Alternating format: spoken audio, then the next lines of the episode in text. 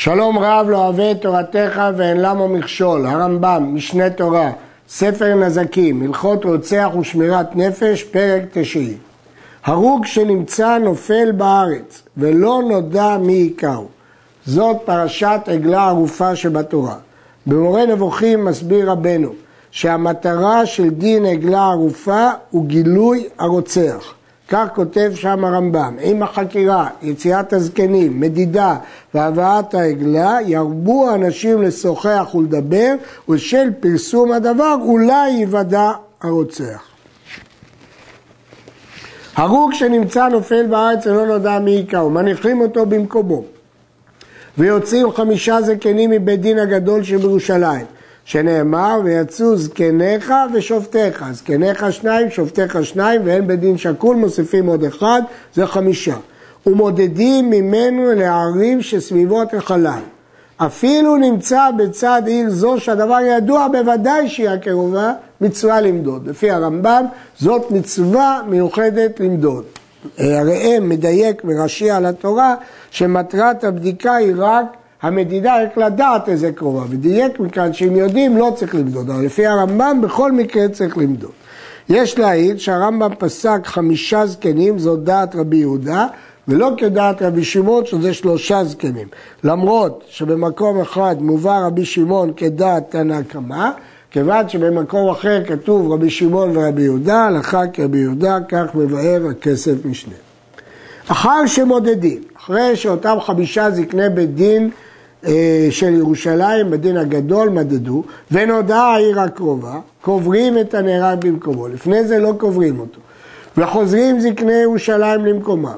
ובדין של אותה העיר, מביאים עגלת בקר משל אנשי אותה העיר, ומורידים אותה אל נחל שהוא שוטף בחוזקה, וזהו איתן האמור בתורה. כתוב בתורה שצריך להוריד אל נחל איתן. הרמב"ם מבין שזה נחל ששוטף בחוזקה. המשנה בסוטה אומרת שאף על פי שאינו איתן, כשר.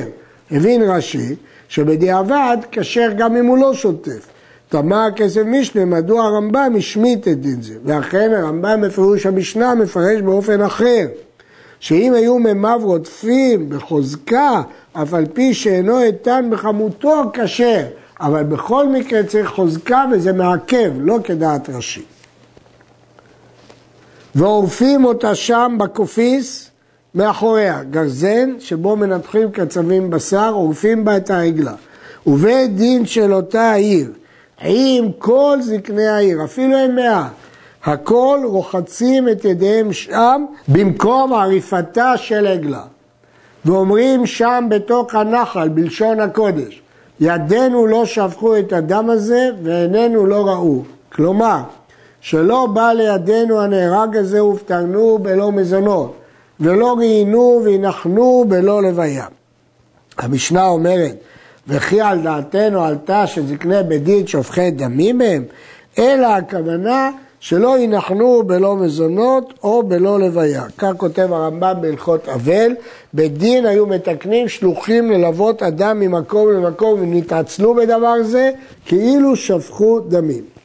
והכהנים אומרים בלשון הקודש, כפר לעמך ישראל אשר פדית השם, ואל תיתן דם נקי בקרב עמך ישראל, והולכים להם. המשנה בסוטה אומרת שזה מהדברים שנאמרים בלשון הקודש. והקדוש ברוך הוא מכפר על אדם שנאמר ונתכפר להם אדם. כשמודדים מין החלל, מדקדקים במידה ואין מקדדים בה.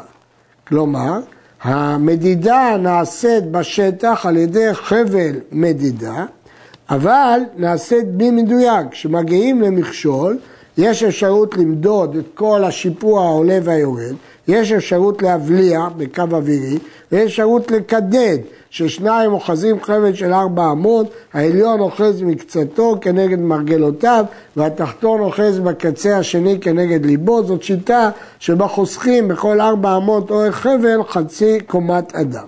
לעניין תחום שבת שהוא מדרבנן, מקלים, מבליעים ומקדרים. וכך מעריכים את התחום שמותר ללכת בו בשבת.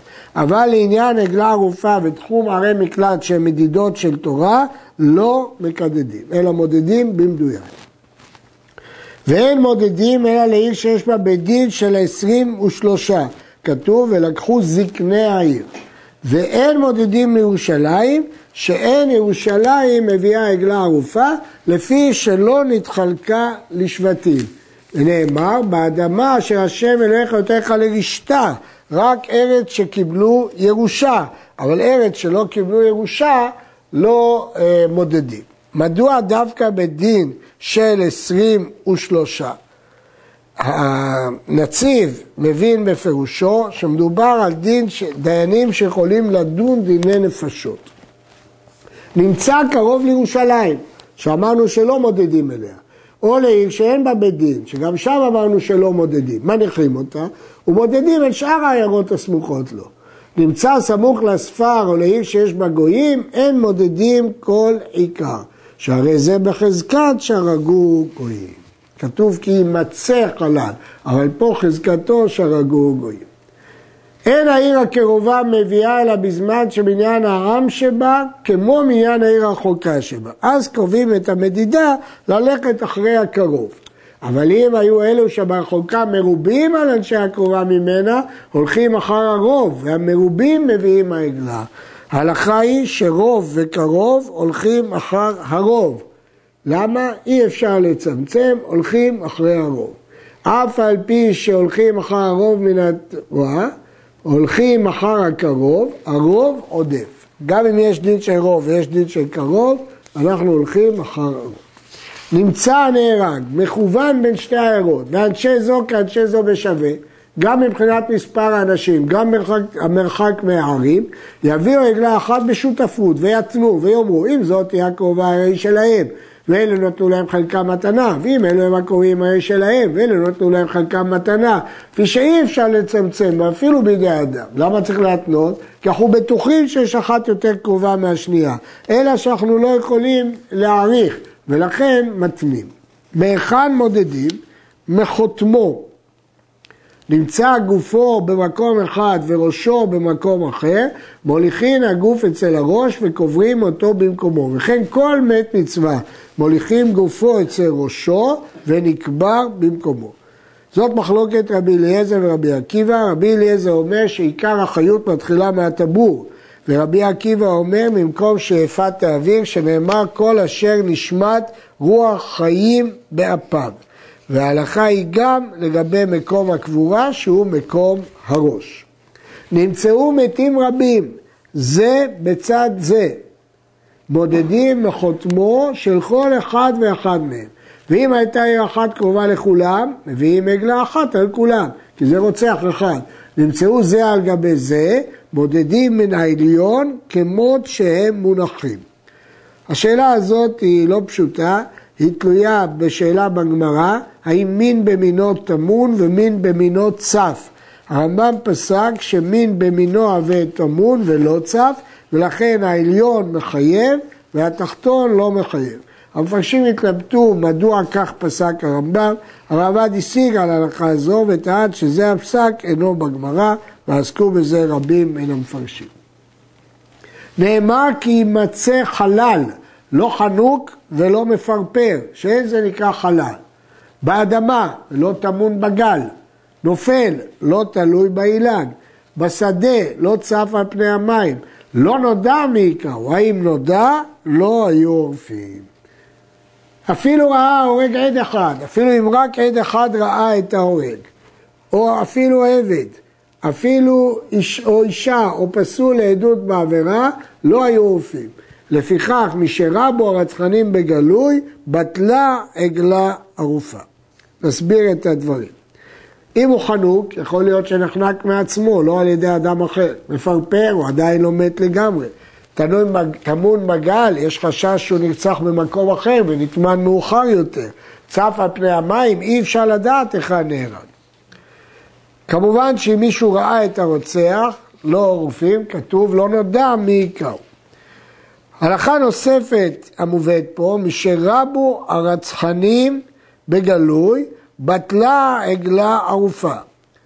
חלק מהראשונים הסבירו שכיוון שרבו הרצחנים, תולים שרוצחים ידועים ומוכרים ביצעו את הרצח. הרמב"ם אומר שכיוון שרבו הרצחנים בגלוי, יש להניח שיש עדים שמכירים את הרוצח. עד אחד אומר ראיתי את ההורג, ועד אחד הכחישו ואמר לו לא ראית, היו עורפים. במה דברים אמורים? בשבאו שניהם כאחד, כי יש כלל עד אחד בהכחשה, לאו כלום הוא. כיוון שהכחיש אחד את אחד, כאילו אף אחד לא בא ועורפים. אבל אם אמר אחד, אני ראיתי את ההורג, הרי זה נאמן כשניים לעניין זה, לעניין העגלה ערופה של עורפים. ואם בא אחר כך עד אחד והכחישו ואמר לו לא ראית, אין משגיחים על דברי האחרון ואין עורפים. כי כבר הראשון התקבל, כיוון שכל מקום שהאמין התורה עד אחד הרי הוא כשניים, ובית דין קיבלו את העדות, אז העד שאחריו לא יכול לעשות כלום. באו שניים אחר שהעיד האחד והכחישו ואמרו לו לא ראית, הרי הם כשתי עדויות המכחישות זו את זו ועורפים. כיוון שפה זה שניים שהכחישו אחד, הם יכולים להכחיש אותו ועורפים. אישה אומרת ראיתי את ההורג, ואישה אחרת מכחשת אותה ואומרת לה לא ראית, היו עורפים.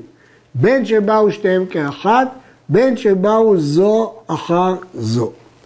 ובכן, למרות שאמרנו שכשעד אחד בא, מתקבלת עדותו ואי אפשר יותר להכחיש אותו, זה בעת כשר. אבל בעת פסול לא נאמר הכלל הזה. הרייבד חולק וסובר שגם באישה הראשון עיקר, הראשון מתקבל והאישה הראשונה מתקבלת והאישה השנייה לא יכולה להכחיש אותה. אבל לפי הרמב"ם זה דין רק בעת כשר ולא בעת פסול. שניים אומרים ראינו ואחד אומר להם לא ראיתם, אין עורפים. אחד אומר ראיתי ושניים אומרים לו לא ראית, היו עורפים. לכן יש פה חידוש, שאפילו ששני עדים אומרים ראינו, אם אחד אומר להם לא ראיתם, לא עורפים. אה, זאת הלכה מפורשת, זה דין אה, במשנה. שניים אומרים ראינו ואחד אומר לא ראיתם, לא היו עורפים. אחד אומר ראיתי ושניים אומרים לא ראית, היו עורפים. במה דברים אמורים כשהיו שלושתם כשרים ופסולים? אבל אם אמר עד אחד ראיתי ההורג, ושתי נשים או שני פסולים אומרים לו לא ראית, אין עורפים. שתי נשים או שני פסולים אומרים ראינו ההורג, ועד אחד מכחישם ואומר לא ראיתם, עורפים. שאפילו מאה נשים או מאה פסולים ועד אחד מכחיש כולם, הרי אלו כעד אחד ועד אחד. ולכן אם יש פסולים ועד מכחיש אותם ואומר לא ראיתם, שניהם נופלים, זה כאילו עד אחד בהכחשה, ולכן עורפים. הרייבד חולק על כמה מההלכות האלה של הרמב"ם. שלוש נשים או שלושה פסולים אומרים ראינו ההורג, וארבעה נשים או ארבעה פסולים אומרים לא ראיתם, עורפים. זה הכלל, בפסולים, הלך אחר רוב המניין בכל מקום. בעדים כשרים אין משמעות בין שניים למאה. אבל בעדים פסולים הולכים לפי המניין. עד כאן.